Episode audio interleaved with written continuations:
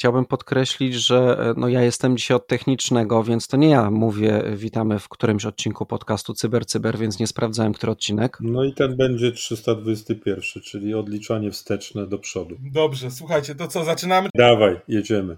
Słuchasz podcastu Fundacji Bezpieczna Cyberprzestrzeń, audycji komentującej bieżące wydarzenia ze świata bezpieczeństwa teleinformatycznego.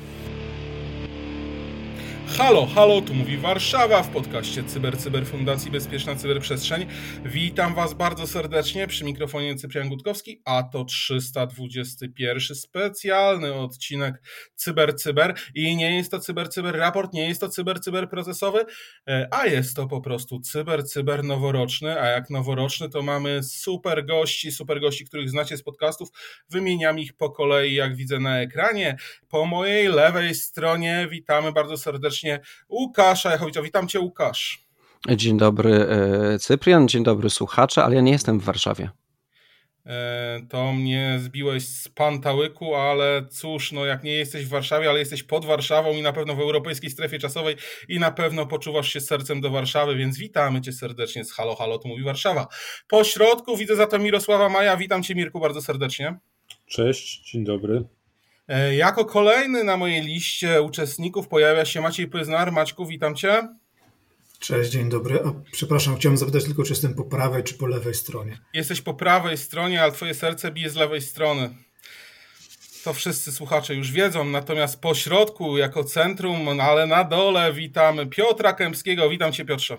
Cześć, witajcie wszyscy. Miło być z Wami. no więc tak. Dzień. Tak, mamy piękny dzień, piękny dzień nowego roku. W tym ja nowym mam takie pytanie. Tak? Jaki ty masz monitor? Ponieważ e, u mnie wszyscy jesteście na lewo, bo to jest taki dla mnie kwadrat 4, e, znaczy 2 na 2, a ja jestem w okienku po prawej stronie. To jak to u ciebie wygląda? U mnie wygląda to w ten sposób, że ty jesteś, jeżeli patrzysz, czy patrzymy od strony monitora, czy od strony prowadzącego? Może być od strony monitora prowadzącego. od strony monitora prowadzącego znajdujesz się na górze po lewej stronie. Jesteś w rządku górnym, w który składa się z trzech osób i jesteś na górze po lewej stronie. Ale dobrze, no czy chcesz jeszcze tak jakieś wyjaśnienia, Łukaszu? Nie odpowiedziałeś na moje pytanie. U mnie też jest kwadrat, co ciekawe. W sensie jesteście w prostokącie właściwie, ale jest, są cztery pola. I nie, i nie, ma centrum w związku z tym. Ale, ale Cyprian już odpowiedział wszystko, co wiedział, tak jak Michniewicz o telefonach od fryzjera i więcej nic ci nie powie. Więc przejdźmy do e, zasadniczej części podcastu. Tak, a więc już pewnie zauważyliście, że będzie trochę pół żartem, pół serio, ale nie do końca tym pół żartem. No może żartem, dlatego że rzeczywiście e, często sobie żartujemy. Mam nadzieję, że może trochę się, no nie wiem, czy posprzeczamy, czy nie, e, bo chcemy nawiązać do noworocznej tradycji mówienia tego, co nas urzekło w zeszłym roku, bądź też nie urzekło, a przeraziło w roku 22. No bo ostatnio jak zrobiliśmy taki podcast, w którym mówiliśmy, co też się wydarzy w 23, był wtedy Maciek, Mirek i ja, no to tak jak sobie go przesłuchałem całkiem niedawno, no to okazało się, że wszyscy... W 22 Cyprian, w 22. W 22 roku, tak, w 22, powiedziałem inaczej, to bardzo przepraszam. Tak. W 22 roku, no, co się wydarzy w 22 rzeczywiście, no to trafiliśmy prawie z wszystkim, więc jeżeli ktoś chce, niech odsłucha i zobaczy, że mówią prawdę. Nasze przepowiednie były słuszne, a teraz nie do końca przepowiednie, dlatego, bo teraz właśnie co w tym 22 roku się zdarzyło, co nas zdziwiło. E, także ja myślę, że bardzo chętnie e, oddam e, głos. Także proszę bardzo, panowie, co was zdziwiło? Kto pierwszy? Chyba pierwszy chciał w ogóle mówić Mirek, z tego co pamiętam. Czy, czy A to nie jest tak, że skoro idealnie trafiliście w zeszłym roku, to po prostu pójdźmy zeszły odcinek i skupmy się na tym, co będzie w przyszłym roku? Nie. Okej. Okay. Idealnie, nie, idealnie nie trafiliśmy, ponieważ no, dosyć zgodnie przewidywaliśmy, że zostanie uchwalona nowelizacja ustawy o Krajowym Systemie Cyberbezpieczeństwa. No ona no po prostu jakby do niej nie podchodzić, to nie chce się uchwalić. E, Dojrzewa, Mirek. Rodzi się w bólach. Nie, ja nie chciałem mówić pierwszy. Ja chciałem mówić trzeci i chciał pierwszy mówić Łukasz. To Łukasz, proszę bardzo. Tak, rzeczywiście w mailu, który został rozesłany napisano, że ja mam być pierwszy, znaczy, że ja się zgłaszam jako pierwszy, to może ja powiem o tym, o czym raz mówiłem o 6 rano w pewnej e, ogólnopolskiej rozgłośni, ale w związku z tym, że to była 6 rano, to nikt nie słuchał. to może niekoniecznie mnie to urzekło, ale jest to interesujący zwrot akcji, mianowicie coraz częściej obserwujemy i obserwowaliśmy i będziemy obserwować usuwanie z obiegu aplikacji, które pochodzą z państw uznanych za wrogie. Bo e, no, pamiętamy dawno temu, to był w ogóle 2017 rok, e, Kasperski po raz pierwszy się znalazł na cenzurowanym i wtedy zaczęto go delikatnie e, w Stanach Zjednoczonych sekować. A teraz, kilka dni temu, bo bodajże 30 grudnia, prezydent Biden ostatecznie podpisał zakaz instalowania takich aplikacji jak TikTok na urządzeniach federalnych. I do tej pory to było tak, że tam nie wiem, Chiny się odgrażały, że nie będą używać amerykańskiego oprogramowania. Już dawno, dawno temu zaczęli sobie robić swojego Red Star Linuxa. Rosjanie e, od, od ponad 10 lat e, tworzą swoją dystrybucję Linuxa, która się e, nazywa Astra i ona na przykład jest przeznaczona dla armii albo do, do elektrowni atomowych. Teraz Rosjanie w ogóle myślą o wypuszczeniu własnej wersji Androida, która będzie pozbawiona tych od, od, odwołań do API Google'a. E, zostanie ono zastąpione Yandexem i być może w kontakcie, e, ale nie spodziewałem się tego, że tak szybko pójdzie usuwanie aplikacji takich jak TikTok, bo o TikToku mowa, e, z, z jakichkolwiek urządzeń. No bo TikToka już po raz kolejny próbują usunąć. On tam chyba miał być kiedyś zakazany w ogóle, miał wylecieć z App Store'ów. To się w końcu nie stało, bo sądy zabroniły, no ale sprzęt federalny należy do państwa. Państwo może decydować, co instalować, bo państwo jest właścicielem. I poszczególne stany już go wywalały dawno temu, e, a teraz e, wprowadzono ogólnoamerykański ban na te aplikacje. Co ciekawe, TikTok to jest aplikacja, która w samych Stanach ma 100 milionów użytkowników. To jest dość e, spora grupa, do której urzędnicy federalni nagle stracą dostęp, ponieważ TikTok to nie jest tylko przeglądanie kretynizmów, ale generowanie kretynizmów. Więc, e, więc urzędnicy już e, ze sprzętu służbowego kretynizmów generować nie będą mogli. I to jest dosyć ciekawe, bo to jest element takiej wojny, mm, w tym przypadku amerykańsko-chińskiej, która została zapoczątkowana e, tak na poważnie przez Donalda Trumpa.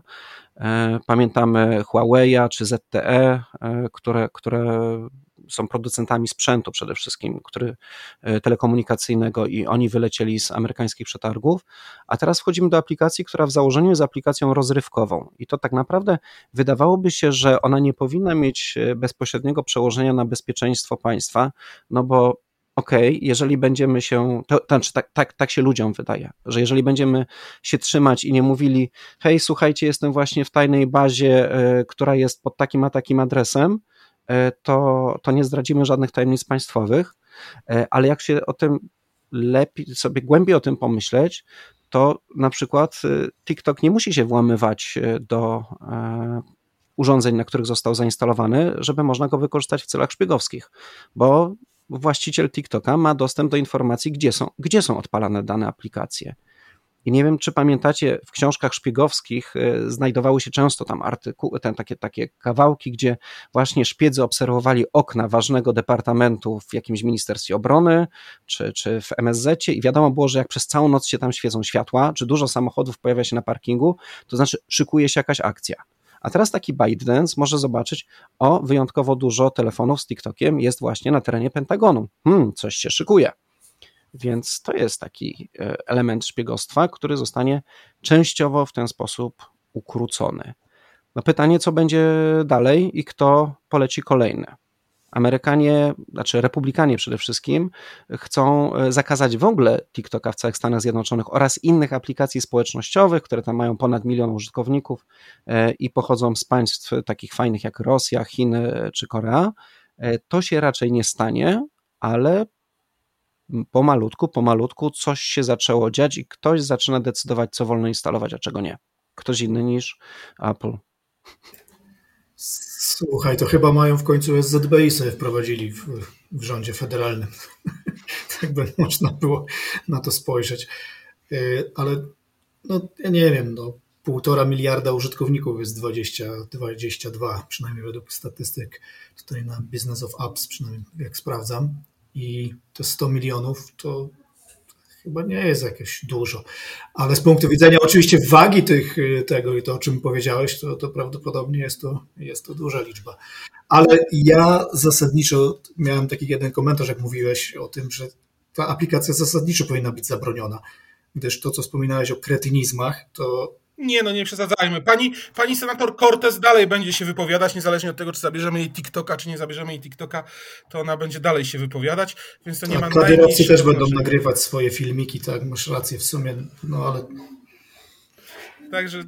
Ja też taki miałem komentarz, y, bo tak, tak, właśnie chciałem skomentować trochę już tak jak Maciek, że bardziej bym się cieszył z, z informacji o blokadzie TikToka w wyniku rekomendacji psychiatrów, dziecięcych na przykład, e, że robi spustoszenie, ale tak e, na, na, poważnie to rzeczywiście ja się zgadzam, że to jest ciekawy no, trend, tak, bo to od wielu lat już narasta. Ja bym tylko w moim takim próbie uporządkowania tego to rozdzielił takie sytuacje, gdzie się właśnie takie aplikacje jak TikTok blokuje i blokuje się, to też znamy takie historie, aplikacje powiązane mocno z infrastrukturą IT, e, na przykład związaną z oprogramowaniem, no tutaj słynny e, Kasperski e, się pojawia. Zresztą przypominam, że w maju tego roku pełnomocnik do spraw cyber, pełnomocnik rządu do spraw cyberbezpieczeństwa również wprowadził taką rekomendację. To jest rekomendacja, nie zabronienie, ale rekomendacja w Polsce na podstawie y, opinii Kolegium do Spraw Cyberbezpieczeństwa o tym, żeby całą serię produktów Kasperskiego y, wykluczyć. Y, głównie tutaj z, z sieci administracji publicznej, no ale wiadomo, to, to jest taka rekomendacja, która gdzieś tam idzie, idzie w rynek. Więc mamy jakby dwa rodzaje takich banów ten pierwszy z takim jak TikTok, to mi się wydaje, że to związane jest z tym, że Amerykanie dobrze wiedzą po kilku lekcjach z przeszłości, które e, boleśnie odczuli, że, a, ale sami oczywiście gdzieś tam postawili też e, na to, co e, możemy przeczytać w różnych tych rewelacjach Snowdena, że jest generalnie gdzieś cały czas w tle walka o światową, globalną telemetrykę, tak, która no, w różnych momentach, w różny sposób może być użyta i nie, niekoniecznie musimy w tej chwili wiedzieć, a być może nawet ci, którzy ją budują, do końca jeszcze nie wiedzą, jak jej użyją, ale lepiej ją mieć niż jej nie mieć. E, natomiast to drugie to do, dotyczy jakby stricte elementów e, bezpieczeństwa, dziur i takich, takich prób e, jakby gdzieś tam może bezpośrednio połączonych z włamywaniem się. Znaczy, w przypadku aplikacji społecznościowych, i tutaj później płynnie bym chciał przejść do komentarza na temat Twittera, e, to e, tam jest nie tylko telemetria, czyli mówienie, czy dostawanie informacji, ile właśnie osób siedzi w e, okolicach budynku Pentagonu, ale pamiętaj, że tego typu aplikacje idealnie służą do profilowania odbiorców oraz do przez odpowiednie serwowanie treści można powolutku, powolutku zmieniać spojrzenie mm, odbiorcy na świat. Delikatnie go przesuwać do jakiejś bardzo konkretnej bańki. I to już jest niebezpieczny element. E, I tutaj wchodzimy do Twittera. E, to już jest niebezpieczny element, którego, na, na który trzeba naprawdę bardzo zwracać uwagę, bo strasznie się zrobiła nam polaryzacja społeczna od kiedy e, aplikacje social mediowe, i to już nie tylko mówię o TikToku, powodowały, że strasznie łatwo się e, zamknąć w jakiejś banieczce i później płynnie przejść od e, antyszczepionkowstwa. Ale to już nie są nowości, słuchajcie. Teraz muszę interweniować, żebyśmy szli sprawnie i płynnie dalej, ze względu na to, że wyczerpaliśmy limit czasu na tę kwestię. E, tylko jedna rzecz, to, to te bańki i wszelkie informacje i profilowanie to jest od wielu, wielu lat, a zwłaszcza afera z Cambridge Analytica mm, jest już tą aferą, która otworzyła nam na to bardziej oczy, ale oczywiście też to było dużo wcześniej. Natomiast drugi w nie mać, ty jesteś dopiero czwarty w kolejności, teraz jeszcze nie ty. Chyba, że chcesz, no proszę, no jeżeli już musisz. Nie, chciałem tylko dodać komentarz do, do tego, bo e, fajnie jest, a właściwie można założyć, że, że aplikacje typu TikTok nie są ci do niczego potrzebne właściwie na, na Twoim telefonie służbowym albo na, na sprzęcie federalnym. No tyle e, z tymi aplikacjami innymi, tak jak Mirek powiedział, Kasperski, czy pamiętam z tego czasu taką rekomendację e, lokalną naszą tutaj odnośnie e, usunięcia oprogramowania Java tak, ze, ze, wszystkich swoich systemów, co, co wydaje się no, lekko absurdalne, no ale taka się pojawiła. I chodzi mi o to, że, że w tym momencie przydałaby się jednak mimo wszystko jakaś podstawa prawna do czegoś takiego. I to jest jakby to, o czym dyskutowaliśmy co się nie udało w tym roku, e, czyli właśnie ustawa lub jakikolwiek inny akt prawny, który by. Na przykład polecenie zabezpieczające ustawy o krajowym systemie cyberbezpieczeństwa, które tak naprawdę mocno krytykowane przez niektórych, a mocno popierane przez innych, no w zależności od tego, kto sprawuje i kto będzie mógł je wydawać. No to oczywiście niestety od polityki nie odbiegniemy, ale wracamy do naszych tematów. To Piotrze, powiedz, co ciebie w takim razie w tym starym roku e, urzekło bądź też zdenerwowało? No, czy wiesz co, ja nie mogę powiedzieć, że mnie zdenerwowało, czy też no, urzekło może troszkę bardziej, tak na dobrą sprawę zainteresowało, może to będzie właściwsze słowo. E, nawiązuje to troszeczkę też do tego, co mówił Łukasz, e, jeśli chodzi o, tam Mirek, jeśli chodzi o konflikt, który wybuchł całkiem niedaleko za naszą wschodnią granicą, bo tak naprawdę mm, chodzi o, o aktywizm, bo on jakby troszeczkę się wynurzył z odmętów internetu, został, można powiedzieć, troszkę odświeżony, bo gdzieś tam cały czas e, pod powierzchnią sobie gdzieś funkcjonował. Natomiast e, przy okazji wybuchu konfliktu w Ukrainie, no wiadomo, e, pojawiły się różne grupy, które opowiedziały się po jednej ze stron konfliktu. E, anonimowi się bardzo mocno aktywowali, o ta grupa no, działa w różnych kwestiach, nie tylko jej działalność jest związana oczywiście teraz z konfliktem w Ukrainie, ale również działali, jeśli chodzi o Iran, o jakieś inne kwestie właśnie takie społecznościowe, natomiast stali się bardzo głośni. Mainstreamowe media mocno nagłośniły ich, można powiedzieć, no, w cudzysłowie sukcesy, ponieważ tutaj jakby gama ataków polegała głównie na jakichś DDoSach, czy też mm, kradzieży informacji, e, również na jakichś kampaniach informacyjnych. Tak na dobrą sprawę, to co mnie zafascynowało, to to, jak ludzie ochoczo dołączyli do tej ich działalności, nie tylko ich, bo grup było całkiem sporo, między innymi pojawiła się polska grupa Skład 303, nazwą nawiązująca do dywizjonu 303. I ludzie jakby tak, moim zdaniem, troszeczkę bezrefleksyjnie, czując w sobie moc walki w słusznej sprawie, zaczęli brać udział w tych kampaniach, a Tutaj ta cienka linia między aktywizmem a cyberprzestępczością jest bardzo naprawdę cienka i łatwo popaść e, w potencjalne tarapaty. E, czy to nawet już bezpośrednio pobierając sobie jakieś narzędzia przygotowane przez dane grupy, no bo skład 303 przygotował jakieś narzędzie, co prawda z tego co pamiętam, chyba webowe, do rozsyłania SMS-ów do mm, jakichś tam abonentów e, rosyjskich losowych, informujących co do zamierzenia, prawda, o sytuacji. Natomiast dla całkiem sprawnych programistów, to żaden kłopot, żeby do tego typu aplikacji dorzucić jakąś przesyłkę, niespodziankę. E, co też się tak naprawdę też ciekawego zarysowało, to tak naprawdę, że ten wpływ e, tych kampanii aktywistycznych na początku rysowany, no tak dosyć mocno medialnie, na zasadzie o tutaj anonimowi wypowiadają wojnę Rosji, nie spoczną, dopóki nie wyłączą tak naprawdę Rosji z cyberprzestrzeni, no to niestety okazało się, że ten wpływ nie jest aż tak bardzo duży, bo no cóż się stało? No, przeprowadzili kilka ataków typu DDoS, wykradli jakieś dane, opublikowali jakieś dane. Konflikt się nie zakończył, trwa w najlepsze. E, nie miało to za dużego wpływu. E, strona rosyjska nie pozostała dłużna, ale to generalnie też e, głównie mówiło się o atakach podobnych, czyli no tutaj nie wiem, polski Senat, witryny zamówień publicznych też zostały wyłączone w wyniku ataków DDoS na jakiś tam krótki okres czasu. Parlament Europejski też się nie obronił. Mm, też kilka godzin strony Parlamentu Europejskiego nie były dostępne. Tak naprawdę tych grup jest całkiem sporo. E, I to mnie tak naprawdę troszeczkę zafascynowało, bo mm, po pierwsze to zagrożenie dla takich zwykłych zjadaczy chleba, którzy jak mówiłem mogą się dać ponieść emocjom e, i przez to no, zostać też ofiarami. E, a z drugiej strony też chyba rysuje się taki trend, że ten aktywizm jest coraz mniej odległy od tego, co robią tak naprawdę grupy APT wspierane przez rządy poszczególnych krajów, bo tutaj ewidentnie niektóre grupy no, miały wsparcie takie typowe rządowe, przynajmniej jeśli chodzi o te po stronie rosyjskiej, a przynajmniej podejrzewa się coś takiego. Więc to jest chyba coś, co mnie właśnie najbardziej w tym naszym bieżącym roku zainteresowało. Pomijając kwestie związane z, ze sztuczną inteligencją i słynnym chatbotem, ale to już in, inna para kaloszy. To ja tylko z drugiej strony, bo ty wspomniałeś o tym, że od aktywizmu jeden krok do cyberprzestępczości, a pamiętajmy też o tym, że jeżeli udostępniamy nasz komputer, nie wiadomo komu, nie wiadomo po co, to wcale niekoniecznie zostanie użyty właśnie w celach aktywistycznych, jakkolwiek byśmy się z nimi nie zgadzali, jakkolwiek ich e, nie popierali, więc z tego musimy sobie zdawać sprawę i zwykły użytkownik powinien o tym wiedzieć i być tego świadom.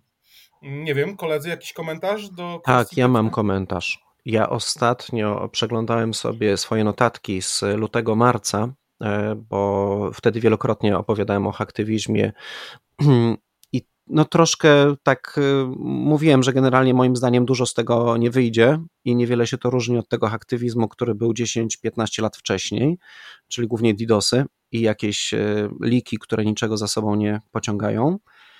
I przypomniały mi się dwie sprawy. Po pierwsze, on może e, uderzyć rykoszetem, ponieważ e, na przykład Rosjanie opublikowali listę adresów IP i o tym nasi stali i uważni słuchacze wiedzą, bo o tym rozmawialiśmy z Mirkiem. Rosjanie przygotowali listę adresów IP, z których odnotowali ataki na swoją infrastrukturę ja tam znalazłem również polskie adresy statyczne, E, różnych domów polskich. W sensie to już nawet nie były firmy, to były prywatne osoby.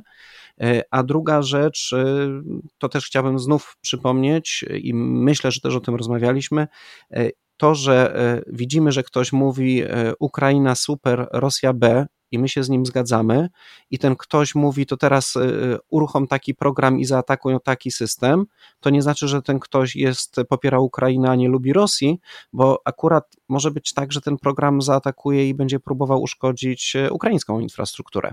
Także aktywizm, fajny jest aktywizm, tylko z głową robiony i no i niekoniecznie trzeba jechać po bandzie, jeżeli chodzi o, o, o, o przepisy, bo aktywizm polegający na tym, że e, próbujemy przy pomocy metod białego wywiadu zdobywać e, dowody które później być może kiedyś będą wykorzystywane w jakichś procesach e, wskazujących, kto za co ponosi odpowiedzialność, to jest e, trudny rodzaj e, aktywizmu, ale który ma rzeczywiście coś za sobą, być może będzie miał przełożenie na rzeczywistość, a jednocześnie nie spowoduje, że będziemy kiedyś oskarżeni o poważne złamanie prawa. No i kurczę, miałem taką piękną myśl na samym początku i teraz mi wypadło z głowy, a mam słuchawki, żeby nic nie wypadało.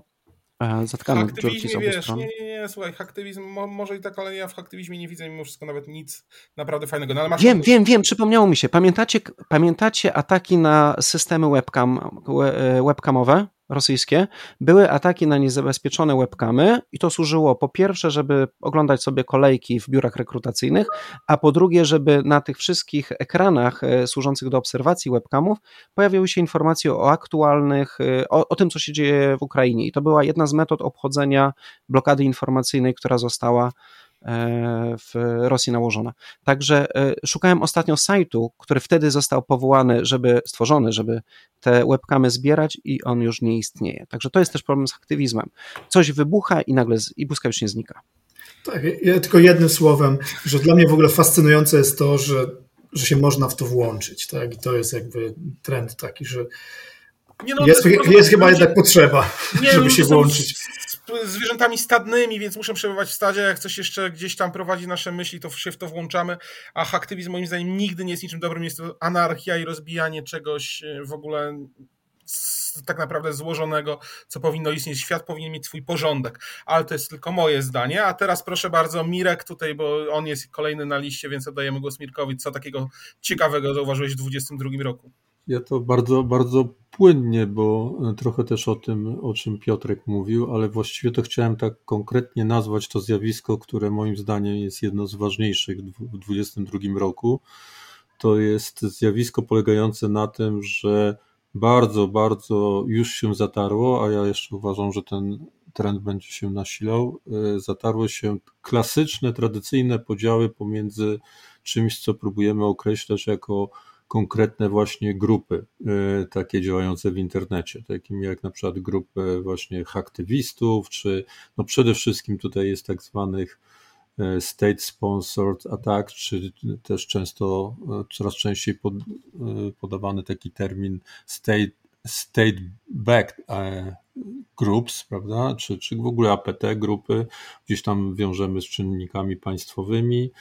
E, no mieliśmy jeszcze cyberprzestępców, to krótko mówiąc przez, przez lata budowaliśmy i tak się zaraz pewniej czuliśmy w takim pojmowaniu świata, że to albo ci, albo tamci, albo inni, a w tej chwili również, no myślę, że przede wszystkim ze względu na Ukrainę to wszystko się zatarło, więc e, potrzeba było pewnie więcej, e, więcej ludzi w tych wszystkich działaniach e, i wydaje się, że migro, migrowały tylko, nie tylko zasoby ludzkie, ale również na przykład techniki, arsenały, które na przykład były w posiadaniu tych czynników państwowych i one sobie trafiały do, do różnych innych grup, które dostawały te, te swoje license to kill na działania cyberprzestępcze. Przy okazji odbyło się dużo różnych, może tak się ze względu na to, że Ukraina była najważniejsza, to nie, nie odnotowano tego, że bardzo duże ruchy zostały wykonane w ogóle w tym na rynku cyberprzestępczym. Y, w Niemczech zamknięto jeden z największych y, takich serwisów, Hydra, e, Market czy e, Garantex przez e, Amerykanów. One służyły, no wiadomo, do, do czego, plus również do tego, żeby robić pranie brudnych pieniędzy. Ciekawe też zjawiska związane z tym, że sankcje nałożono również na firmy, które oficjalnie na Syberii kopały kryptowaluty wiadomo, że idealnie mamy w tej chwili sytuację dla nich, czyli tanie, tania energia, tak, bo, bo nie można jej e, eksportować, no i jeszcze sprzyjający klimat. E, I dużo takich różnych zjawisk e, nastąpiło, które no w praktyce doprowadziły do tego, że w mojej ocenie właściwie skończy, skończyła się era dzielenia rynku działalności w cyberprzestrzeni właśnie na te grupy klasyczne, o których już, o których już mówiliśmy, a właściwie pozostaje tylko podział ze względu na motywację działania. A tak naprawdę jedna i ta sama grupa może uczestniczyć w najróżniejszych działaniach związanych z haktywizmem, z cyberprzestępczością, y, czy z zaawansowaną operacją zleconą przez y, GRU, FSB, czy no CIA to może mniej, bo oni akurat rzeczywiście starają się to trzymać w swoich, w swoich rękach. E, więc to jest coś, co moim zdaniem było no jedno z najistotniejszych rzeczy i już chyba na trwałe pozostanie z nami po tym 22 roku. No tak, co jest ciekawe, ja wrócę do tego, co, o czym mówiliśmy tak naprawdę właśnie w tym podcaście zeszłorocznym, kiedy zaczynaliśmy 22 rok. W sumie przewidzieliśmy tam też to, że jednak coś kinetycznego się wydarzy i to właśnie wtedy dużo przewidywało, że to będą być może Chiny, a może na pewno też może właśnie w świecie cyber, natomiast my wtedy powiedzieliśmy też głównie, że Chiny raczej nie są tak groźne, jak widzimy to, co może się wydarzyć na No Ukrainie. ty, Cyprian, powiedziałeś ty, no już powiedz, że to ja no ja, ja tylko czekałem, aż, aż potwierdzi, że to ja powiedziałem, tak? Ja to powiedziałem. A ja, a ja, powie, a ja, powie, a ja powiedziałem, że w związku z tym wcale to cyber nie będzie najważniejsze. No i rzeczywiście nie było, bo pamiętacie takie jakby zdziwienie, wszyscy czekają, kiedy wreszcie wszystko wyleci w powietrze, bo ktoś puści parę pakietów i, y, i nie wiem, elektrownie zaczną wy, wybuchać albo, y, albo pociągi się wykole, wykolejać, chociaż ja zawsze będę wracał do bardzo szybko wyjaśnionego naszego, naszej awarii na kolei, która no, za szybko moim zdaniem została wyjaśniona, ale to y, jednak jest tak, że, y, że to nie było najważniejsze. No, w obliczu konfliktów po prostu kinetycznych po prostu cyber schodzi na, na drugi y, plan. Ale z drugiej strony pamiętajcie, że takim preludium do tego konfliktu kinetycznego w ostatnich godzinach przed 24 lutego było bardzo dużo ataków cyber na systemy ukraińskie. No tak, tam były te wipery, z tego co pamiętam, były szeroko rozpowszechniane i celem było zniszczenie danych. Rzeczywiście tak było, taka była sytuacja, no ale dobrze, wróćmy do naszych historii z 22 roku, tych bardziej cyber. No i Maciek teraz został na liście, więc Maćku, cóż takiego chcesz powiedzieć o 22 roku, który odszedł? Że z mojego punktu widzenia był to rok ciekawych legislacji bym powiedział, projektów, które zostały wdrożone i które, tak jak Mirek powiedział, zostaną już z nami na trwale.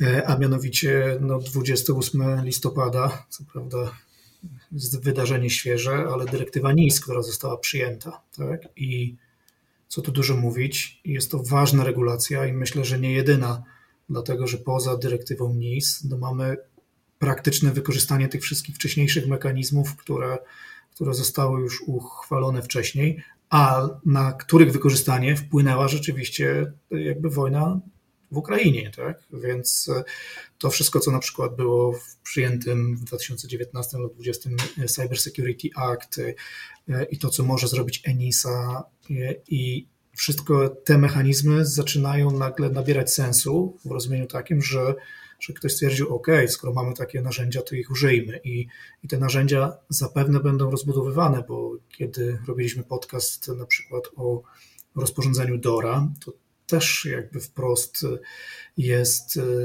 no jakby legislacyjna próba nie tyle ucywilizowania, bo sektor finansowy był ucywilizowany, ale e, jakby jeszcze większego wzmocnienia e, tych narzędzi, które są po stronie legislacyjnej i organów nadzorczych do tego, żeby niejako wymusić na, e, na użytkownikach tych systemów i na dostawcach tych systemów to, co co nie jest bezpośrednio związane z, z, biznesem, a co po prostu jest wymogiem i oczekiwaniem ze strony y, nadzorców, jeśli chodzi o bezpieczeństwo. Ja myślę, że to jest super istotne i super ważne i, i bardzo się cieszę, że tak się dzieje, tak? no bo inaczej to, to byśmy pozostawali w sferze ok, albo się opłaca, albo się nie opłaca, tak? No to w istocie rzeczy opłaca się wszystkim, a przynajmniej ten interes y, jest gdzie indziej, tak? Nie tylko i wyłącznie finansowo. I to, to jest fajne. No i też liczę na to, że, że się uda jednak to, tę ustawę naszą przyjąć, a teraz mamy znowu 21 miesięcy na to, żeby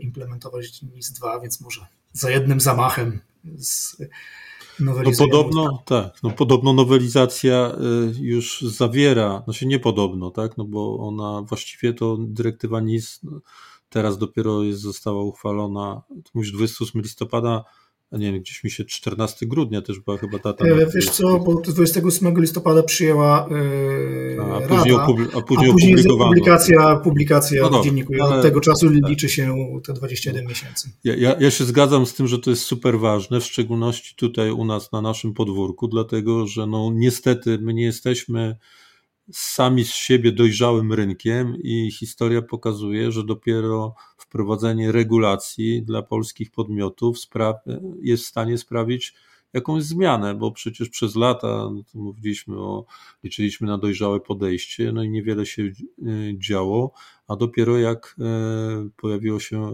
e, KSC, no to dla wielu podmiotów, nie mówię, że dla wszystkich, banki wiadomo, to, to, historycznie od lat już e, sobie z tym radziły, ale dla wielu podmiotów dopiero zaczęła się przygoda z cyberbezpieczeństwem. No i jeśli to miałoby się powtórzyć, no to to będzie znacznie e, dłuższa i bardziej intensywna przygoda, bo, bo NIS-2 jednak znacznie poszerza te, e, te listy operatorów usług kluczowych i, i przynosi bardzo dużo różnych ciekawych obowiązków, a jeśli jeszcze będzie nasza nowelizacja, no to duże ciekawostki, tak, bo każdy będzie musiał mieć na przykład Security Operations Center.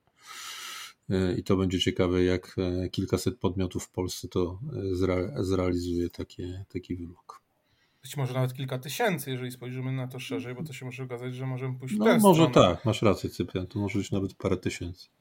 Więc to, to, to może być problematyczne, skąd nagle taki sok stworzyć u siebie w organizacji, skąd wziąć ludzi, którzy będą obsługiwać ten sok, może te chatboty właśnie w jakiś sposób y, rozwiążą problem i będą monitorować y, w czasie rzeczywistym i dokonywać, dokonywać dynamicznej analizy ryzyka. No oj, nie jestem taki do końca przekonany, wiesz, bo tam jest całkiem sporo y, ograniczeń w tej technologii jeszcze kto to zauważy. Proszę mi nie wchodzić w temat związany z przepowiedniami na kolejne lata. Proszę, sio, sio. Sio. Moje. Nie ulega wątpliwości, że AI już jest za, zatrudnione w, w Security Operation Center, no bo wiele narzędzi już e, te algorytmy ma w sobie zaimplementowane i to skądinąd dobrze. Ale anegdotycznie opowiadając historię, to ja jestem za tym, mi wszyscy wiedzą o co chodzi, żeby wykorzystywać jednak tradycyjną inteligencję, tak, to Mirek zawsze podkreśla rzeczywiście, że on jest za tym też, żeby w cyberbezpieczeństwie w dużej mierze woli stawiać na inteligencję białkową. Ja, ja, ja, podkreślam, że pamiętam, że Maciek tak kiedyś na jednym z panelu o sztucznej inteligencji powiedział, jeszcze pracując w administracji państwowej, że u nas w administracji stawiamy nadal na inteligencję naturalną. No właśnie, tak stawiam na ten tle. No ale słuchajcie, skoro już jesteśmy trochę przy tej administracji rządowej, to teraz ja powiem kilka słów o 22 mijającym, tym, który odszedł w niepamięć. Mm, a w zasadzie może nie tyle, co odszedł w niepamięć, ale co przeminął. Y, rzeczywiście w państwie dzieje się coraz lepiej z punktu widzenia właśnie cyberbezpieczeństwa poprzez tego różnego rodzaju legislacje, o których wspominał też Maciek, y, ale też chyba może rzeczywiście przez dojrzałość samych rządzących, którzy nagle zauważyli problem niedostatku tych ludzi i chociażby pensje, które zostały określone, ile powinny zarabiać widełki, osoby mm, pracujące w cyberbezpieczeństwie w administracji państwowej, wreszcie pozwalają mi konkurować e, z podmiotami prywatnymi. Mm, to jest ta sytuacja, która mnie zaskoczyła, że do tego dojrzeliśmy. Jak również e, programy, które zostały stworzone tak naprawdę przez państwo. Był program dla służby zdrowia, którym Narodowy Fundusz Zdrowia wypłacał pieniądze na cyber security e, dla szpitali. No i tam wiele szpitalów mogło wziąć udział w programach, z których czerpało pieniądze i dzięki temu kupowali różnego rodzaju rozwiązania. Fajnie by było, gdyby nie kupowali samych pudełek, tylko jeszcze do tego dokupywali usługę montażu tego pudełka, to już by było całkiem fajnie, a jeszcze fajniej, gdyby korzystali na przykład ze szkoleń, jak dalej obsługiwać to po tym montażu, to już by było idealnie, więc wierzę w to, że na przykład takie programy zostaną e, przedłużone, e, ale nie ulega wątpliwości, że w ogóle dzięki temu programowi na przykład te szpitale mogły skorzystać, bo wszyscy wiemy, jak służba zdrowia wyglądała. Ja anegdotycznie tylko mogę powiedzieć, że ostatnio moja wizyta w szpitalu i patrzyłem na napis Wielkie Drzwi Serwerownia, które co chwila były otwierane przez panie pielęgniarki, bo stamtąd wyciągały czy to pampersy, czy różnego rodzaju podkłady medyczne, no to tam wchodziły, bo to był idealny schowek, bo tam jest klimatyzacja, sucho, nic się nie dzieje, więc wykorzystanie miejsca i wszystkiego było. Było centrum usług wspólnych. Gdzie to był SOK. Różne, różne działy był, szpitalne korzystały z tego. To było Security Operations Center, tylko to security bardzo szeroko rozumiane, także to, to w ten sposób rzeczywiście. E, no ale oprócz tego mamy kolejny program rządowy, który się pojawił, czyli Cyfrowa Gmina. Czyli rzeczywiście program skierowany na gminy, dzięki czemu gminy mogły zainwestować w różnego rodzaju rozwiązania teoretycznie mm, cyberbezpieczeństwa, ale też w komputery. No i tutaj niestety wiemy, że jak można zainwestować w coś, co jest dobrocią materialną, no to dużo osób poszło w te komputery zamiast pójść w stronę cyber, e, dzięki czemu co prawda być może zwiększyli zagrożenie, bo dużo więcej użytkowników jest narażonych na te ataki. I to ostatnio sobie z tego też trochę dworowaliśmy, że może być taki, taki efekt tego programu, ale nie, ale tak na poważnie, no to jest plus, wreszcie ktoś mógł skorzystać z jakichś pieniędzy, które miały podnieść e, cyberbezpieczeństwo, więc państwo wreszcie zaczęło myśleć, no teraz wychodzę, nie wiem na jakiego jaką osobę, bo tutaj krytykowałem aktywistów, a teraz chwalę państwo, ale no rzeczywiście chyba jestem państwowcem. Mm, natomiast niekoniecznie może w tym wydaniu, jaki mamy u nas, ale, ale jednak. E, więc ten rok 22 tym mnie zaskoczył i tego się tak naprawdę nie spodziewałem, a jednak te programy zadziałały i wydaje mi się, że jeżeli będą kontynuowane w przyszłych latach, mogą przyczynić się do wiele, wiele dobrego, żeby się zadziało w świecie cyber. Bezpieczeństwa. To co, nie ma komentarzy? To może ja jednak... ma, ja, Nie, nie, Aha. no to ja chętnie skomentuję, bo ja się zgadzam z tobą, tylko bym przy okazji sobie życzył, yy, nam się przymijają spostrzeżenia z predykcjami, z życzeniami i tak dalej, żeby yy, no, kilka rzeczy, które przy tych programach ogólnie pewnie dobrych, nie do końca były przemyślane, no żeby jakby spojrzeć na to, jak do tej pory wdrażanie tych projektów wyglądało i pewne rzeczy E, poprawić, e, chociażby związane z tymi dodatkami, które nieraz do patologicznych sytuacji do, e, doprowadzały i różnych, różnych dziwnych rzeczy. Zresztą nie wiadomo, jak one będą kontynuowane. Tak? No, akurat odbiorcy tych dodatków. E, mamy dla nich dobrą informację. E, bieżący rok jest rokiem wyborczym, więc na pewno te dodatki zostaną zachowane, ale tak naprawdę na poważnie, no to troszeczkę w tych wszystkich programach brakowało mi, jak to się mówi w, w świecie biznesu, OPEX-u, tak? bo był duży capex, typu po prostu kupujemy, kupujemy a teraz no pytanie, ile mamy pieniędzy na to, żeby to systematycznie utrzymywać i rozwijać. I, e, i ja bym sobie życzył i na, za to trzymam kciuki, żeby w następnych tego typu projektach właśnie patrzono nie tylko na właśnie taki jednorazowy wydatek typu szybko wydajmy przez pół roku pół miliarda e, złotych, bo, no bo fajnie, że są, ale teraz co będzie w następnym roku, skoro zbudowaliśmy infrastrukturę i, róż, i jakiś tam układ za pół miliarda złotych. No i jak wykorzystamy informacje zebrane dzięki tym programom, bo właśnie chociażby tą, tę cyfrową gminę, Dokładnie. gdzie każda gmina miała, przeprowadzała sobie audyt i przekazywała informacje, w jaki sposób jest tak naprawdę zabezpieczona, co się tam u niej dzieje, e, więc jeżeli będziemy potrafili przetworzyć te informacje, zlokalizować słabe punkty i wyjść z pieniędzmi w tę stronę, no to to jest idealna rzecz, którą powinno zrobić państwo i powinno w ten sposób się zabezpieczać. Czy będziemy potrafili wyciągać wnioski? Tego nie wiem, trzymamy za to kciuki. My wiemy, to odsyłamy do odcinka o tym, jak e, przeprowadzić, jak zbudowaliśmy algorytm do takiej oceny i który może e, przygotować jakby taką właściwie, że gotową diagnozą, diagnozę sektorową e, i myślę, że zoptymalizować wydatki na, w przyszłych programach finansowania. Tak, rzeczywiście, rzeczywiście fundacja coś takiego stworzyła. Natomiast y, no, zobaczymy, co będzie, a ponieważ co będzie, no to teraz proroctwa, krótkie proroctwa na 23 rok. Nie wiem, czy jesteście przygotowani do krótkich e, proroctw, no ale widzę, że Łukasz się rwał już na początku, żeby nie wchodzić w jego ogródek. Także Łukaszu, proszę bardzo, jesteśmy na tym torze, ty teraz zaczynasz. Po jednym na łebka, czy mogę całą litanię? No spróbujmy może jedno i jedno więcej, zobaczymy co będzie dalej.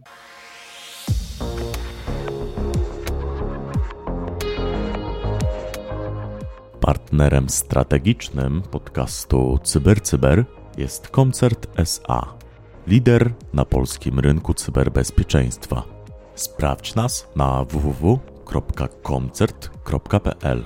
Dobrze, no ja przede wszystkim y, jestem zachwycony tym, co zaczęło się dziać pod koniec zeszłego roku, e, e, związanego właśnie z czymś, co niektórzy nazywają AI. Ja nazywam w dalszym ciągu całkiem sprytnymi algorytmami, które częściowo się same tworzą, więc nie wiemy, co tam w środku leży.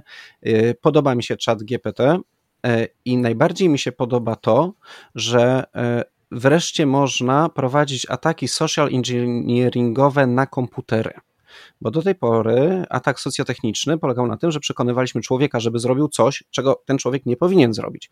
A teraz y, specjaliści od cyberbezpieczeństwa zaczęli omijać ograniczenia chat GPT, który te, teoretycznie powinien y, nie potrafić, nie wiem, wygenerować złośliwego kodu, y, nie po, powinien nie potrafić napisać maila phishingowego, a oni zaczęli prowadzić, przekonywać tą tak zwaną sztuczną inteligencję, tutaj w bardzo dużych cudzysłowiach, e, że, żeby jednak napisała to. I to jest mój zachwyt nad e, kreatywnością ludzi, której kreatywność AI ciągle jeszcze nie dorównuje, więc tak, białko power rządzi, ale też wydaje mi się, że w ciągu kilku tygodni przewróciło się myślenie ludzi o tym, do czego może służyć AI, dobrze zaprogramowany, i w przyszłym roku będziemy obserwować coraz większy mm, coraz większą liczbę zastosowań dla, dla tego typu rozwiązań. I czy do pisania reguły giary,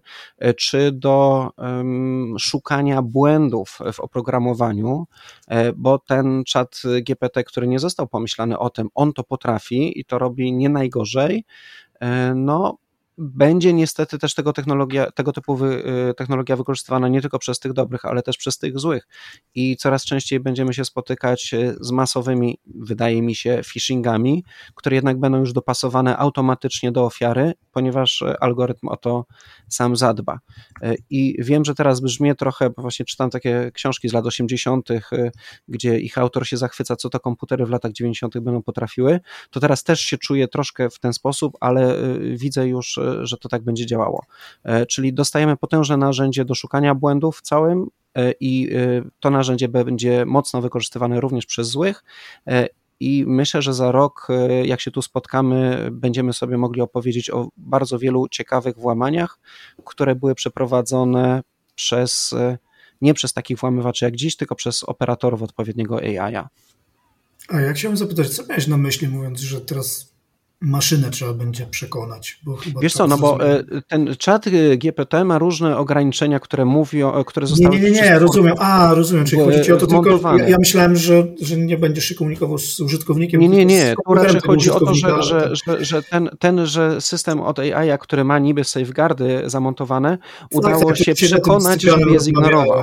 Tak, że tak, jeśli Tak, że podajemy się, że piszę pracę magisterską na temat, może byś mi powiedział, jak to, to zrobić. Na temat konstruowania bomby piszę pracę magisterską. Czy mógłbyś mi pomóc skonstruować bombę? I no tak, no więc to są, to są takie A ja chciałem tylko powiedzieć, że to bardzo fajne jest, dlatego że to oznacza tylko, że będziemy teraz z kolei w drugą stronę zatrudniać znowu ludzi, żeby zweryfikowali, czy ten phishing jest phishingiem.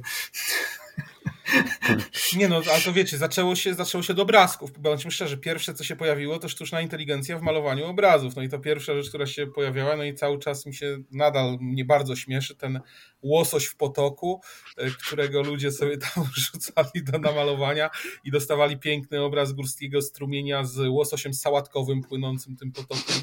Więc Ale, ale wiesz, ja też sobie przypominam, taki był kiedyś też takie, takie wideo, gdzie słoń malował też e, obrazy i generalnie efekt był podobny i mi się przypomina, że e, takie słynne powiedzenie o internecie, w internecie nikt nie wie, że jestem, że jesteś psem.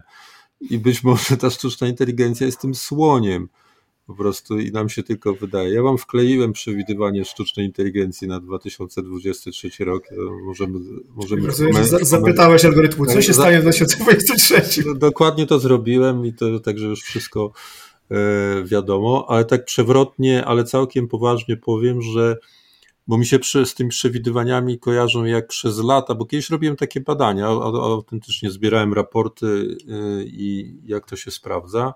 No ale to oczywiście się średnio sprawdza, to nie ma takich geniuszy jak my rok temu, gdzie prawie wszystko. Ja za to myślę, Mirek, czytając to, co nam teraz wkleiłeś, że, że właściwie my powinniśmy polityków zastąpić takim czymś, bo to jest właśnie dokładnie. No to jest ten, ten, ten, ten język, ale tak. Żaden polityk nie powie wam, że nie ma danych i nie wie. Ludzie kochani, o czym wy mówicie, że to jest A to zdajcie niemożliwe. wykreśli, no. To Zdaje się wykreśli, to jest to. Ale, ale wracając do tych przewidywań, to przez lata, no dosłownie, nie wiem, chyba z 10 lat, rok po roku, było takie przewidywanie o tym, że będą wirusy na komórki. E, Tak od początku tego wieku było. I to przez 10 lat tego praktycznie nie było. I trochę mi się kojarzy to z tą obecną sytuacją, e, że to już tak zafascynował nas wszystkich ten, ten czat e, ostatnio, że wszyscy już myślą, że to się e, stanie. Moim zdaniem to będzie narastało, ale to jeszcze, że tak powiem, nie ma dojrzałości operacyjnej. I takie gdzieś tam przejawy od czasu do czasu będą, więcej zabawy.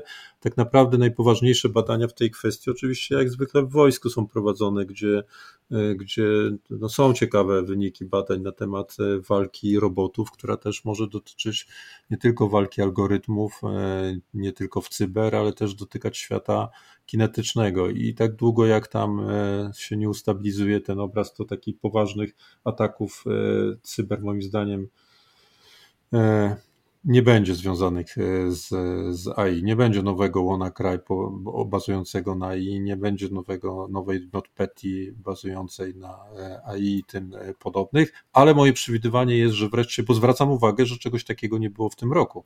Nie mieliśmy takiego malware'u, który po prostu gdzieś tam sparaliżował wszystkie, wszystkie media, tak? No, wojna generalnie jako zjawisko e, była na pierwszych stronach, ale nie było WannaCry, nie było e, NotPetya, nie było Stuxneta, e, jeszcze pewnie kilku można było e, wymienić, no to to ja tak obstawiam, że, że znowu będzie. Ale był brak aktualizacji.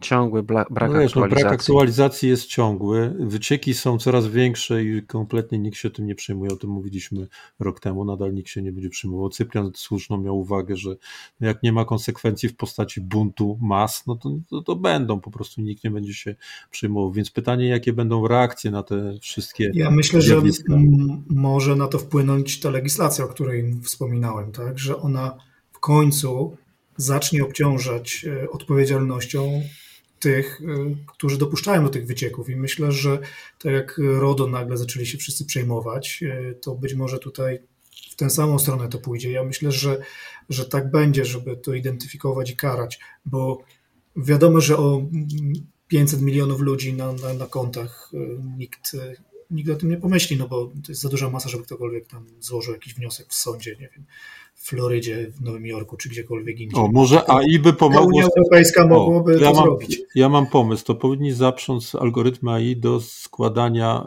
e, zbiorowych pozwów, e, zbierając te wszystkie informacje z wycieków i, i wygenerować po prostu w imieniu wszystkich tych zbiorowy e, pozew i jeszcze go poprowadzić, taki adwokat AI. To, to bardzo, bardzo ciekawa koncepcja ja uważam, że tak nie będzie, jak Maciek mówi, ze względu na to, że mm, zwróćmy uwagę na to RODO 2018, wielki smog, który spali nas wszystkich i pożre, natomiast teraz wyszedł z tego mały komar, który od czasu do czasu kogoś ugryzie, E, więc e, no, nie będzie tak, dopóki, a dlaczego? Dlatego, bo te wycieki po prostu, mm, to co powiedział Mirek, co mówiłem właśnie rok temu, że one nie przekładają, nie przekładają się od razu na kogoś krzywdę, tak? To nie jest, że komuś coś wyparuje z konta, że ktoś straci, chociaż nie no, w Nowy Rok też widziałem takiego mema. Przepraszam cię bardzo, Cyprian, to się dzieje właśnie, tak? Przecież że jest wyciek, to zaraz są na niego ataki phishingowe i, i tak dalej. To, to A- jest bardzo szybko się dzieje, to jest A, jedno. nie. A druga, druga sprawa, nie zgodzę się z tobą, dlatego że wielki smok, który, znaczy góra, która urodziła mysz, twoim zdaniem, nagle okazuje się, że, że wpłynęła na, na Stany Zjednoczone i te firmy ze Stanów nagle też zaczęły wprowadzać a w ogóle Stany Zjednoczone zaczęły wprowadzać regulacje bardzo podobne do RODO, oczywiście dostosowane do swoich tych, ale no, okazało się, że ta regulacja ma wpływ na to, co, co się wydawało, że nie będzie miało wpływu, czyli właśnie na te wielkie korporacje z, ze Stanów, gdzie wszyscy mówili, e, co z tego, Stany i tak nic sobie z tego nie będą robić. Nie, no, okazuje ale robią co, minęło dwa lata i, i, i robią sobie. Ale robią tylko dlatego, żeby być obecnym e, biznesowo na rynku europejskim. Czy, no ale co to Ale znaczy? to To znaczy, że to ma na nich wpływ. Że, tak? że, żeby sumienie im, korporacja nie ma sumienia, ma do osiągnięcia jeden konkretny cel, zysk. I jeżeli legis, legislacja jest po to, żeby temperować sposoby realizacji tego jednego celu. Ale i tak w głównej mierze opiera się to tak naprawdę na papierach, które są opracowywane, tak? Więc to rzeczywiście i to, to tego dotyczy. A nie jest tak, Maćku, że odczuwasz od razu ten wyciek. Gdyby nagle wszystkie osoby z Ubera, które były zarejestrowane i z tego wycieku Ubera, obciążyło im karty płatnicze, no to byśmy mieli problem, tak? To wtedy rzeczywiście rządzący mieliby problem, banki miałyby problem, wszyscy mieliby problem. A dopóki to się nie dzieje i dotyczy 20 osób z całej grupy, czy dobra, tysiąca osób z całej grupy, nie ma tego problemu i to nie jest zauważalne. Ale ty w takim układzie mówisz o czymś innym. Ty mówisz No. nie o natychmiastowym skutku, tylko masowym natychmiastowym skutku. No, no tak. Bo te tysiąc osób Tak. spokojnie może ten pozew złożyć i może go nawet wycenić na miliard dolarów każda. Tak? No i O, ja myślę, że powinien być do, do każdej takiej umowy dołączany taki elektroniczny weksel, który upoważnia każdego klienta w momencie, kiedy jego dane wyciekną, od razu się zgłosić do banku i, yy, i, z konta, i z konta usługodawcy po prostu pobrać odpowiednią kwotę. I będzie Ja- dobrze. powiem, że to jest doskonały pomysł i możesz to zaproponować na, na Radzie do Spraw Cyfryzacji. Jako. Ja, Ja tylko powiem, że ja się nazywam Łukasz Jachowicz i to nie ja mówiłem przed chwilą. A ja powiem tylko A ja mam, zmierzamy do końca, ja mam taki postulat, ponieważ na koniec zbudowaliśmy bardzo dobrą taką e, atmosferę, napięcie i interaktywność i tutaj energia się pojawiła, to żebyśmy ten e, podcast puścili od końca. Coś, coś w tym jest, natomiast rzeczywiście mi się przypomniał mem, który dzisiaj widziałem, gdzie facet leżący pod latarnią w czapeczce jeszcze z szampanem w ręku. Boże, gdzie ja jestem? Jak ja się nazywam? O nie, ukradli moje dane osobowe. Także to, jest, to jest mniej więcej w ten deseń.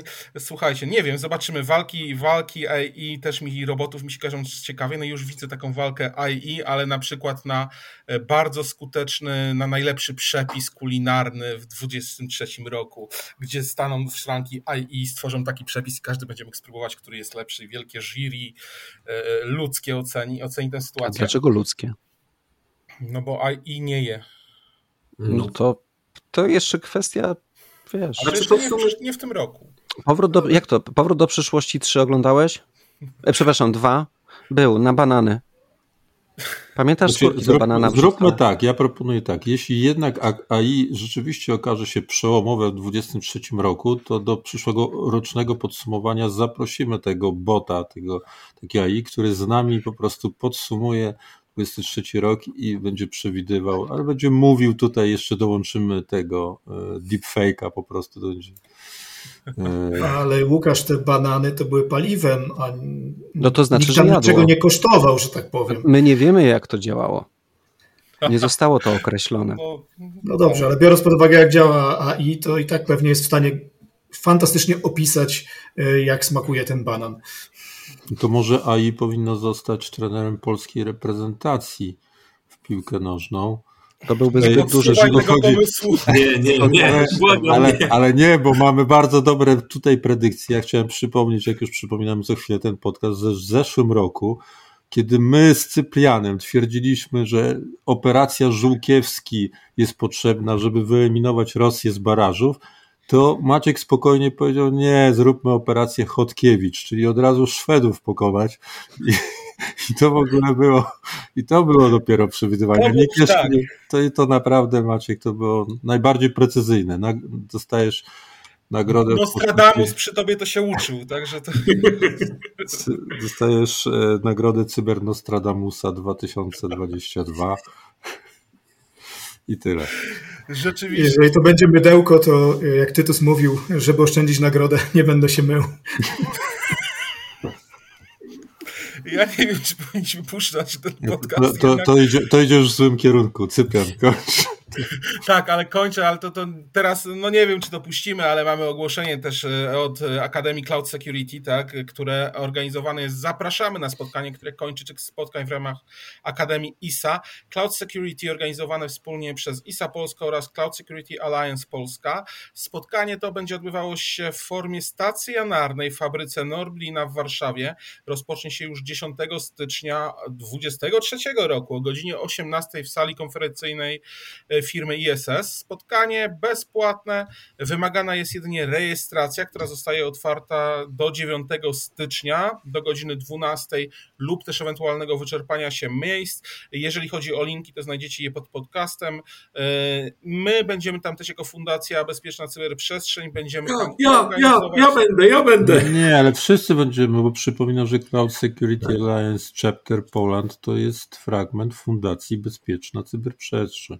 Oczywiście. Tak jest, zgadza się. E, No i właśnie też oprócz tego będzie tam cybertwierdza, w którą możecie zagrać. No może nie wiem, może Piotr chcesz powiedzieć coś na temat cybertwierdzy, która No, będzie się tam odbywało? Oczywiście, Cybertwierdza to taka fajna gra, w której możecie się wcielić w, no, w, kogoś, Sztuczną kto zarządza cyberbezpieczeństwem w jakiejś organizacji i będziecie mieli okazję zbudować cały kompletny system cyberbezpieczeństwa, a następnie, mam nadzieję, obronicie się przed atakami, które dla Was przygo- przygotujemy na podstawie Tak. rzeczywistych ataków APT. Tak, spotkanie rzeczywiście będzie prowadził Marcin Frączak z e, Security Alliance, Cloud Security Alliance Polska oraz Piotr Kępski, Fundacja Bezpieczna Cyberprzestrzeń. Tak naprawdę obaj z Fundacji Bezpieczna Cyberprzestrzeń. Jest tylko limit miejsc, 50 osób, więc e, jeżeli chodzi o grę w cybertwierdzę, więc tutaj jak najbardziej się zapisujcie, jak najszybciej zapraszamy Was bardzo serdecznie na ten event. Ja jeszcze dodam, wejdę rok ci- 23. Wejdę Ci w słowo, Cyprianie, przepraszam, że te scenariusze, które dla Was planujemy przygotować, będą się opierały na atakach właśnie na infrastrukturę chmurową.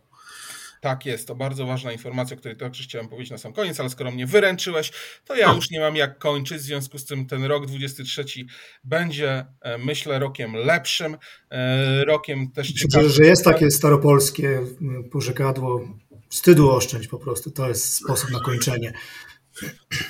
Chciałem Nie- zakończyć, że, nie że na pewno będzie, będzie lepszy, bo nie umrze Elżbieta II, ale no dobrze, no to, to, już, to już wszystko w takim razie. Żegnam Was bardzo serdecznie, żegnamy Was. y, Prowadzili ten podcast wspólnie tak naprawdę po kolei Łukasz Jachowicz, Mirosław Maj, Maciej Pyznar, Piotr Kępski i Cyprian Gutkowski.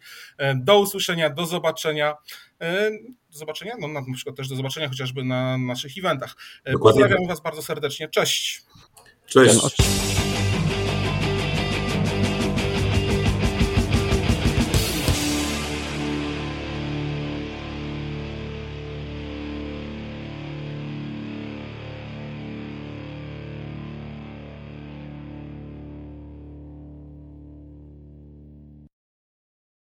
Ten odcinek- Ten odcinek 3.2.1 tak trochę poziom tego e, dzisiejszego dnia. e, Tak, zaczęliśmy z wysokiego C i naprawdę zjechaliśmy do 1. Wiesz co, ja chciałem właśnie powiedzieć, że z moimi synami mam taki kod, że jak żarty sięgają dna, to, to mówię im flądra, kręcąc głową. Powiem taty, że to flądra, jako że jest to ryba denna. Czasami nawet potrafiąca się zagrzebać w tym dnie, więc... Uwaga, ktoś jeszcze chce powiedzieć coś mądrego, czy nacisnąć stop? I tak wykorzystasz wszystko przeciwko nam, więc to za różnica. Dokładnie.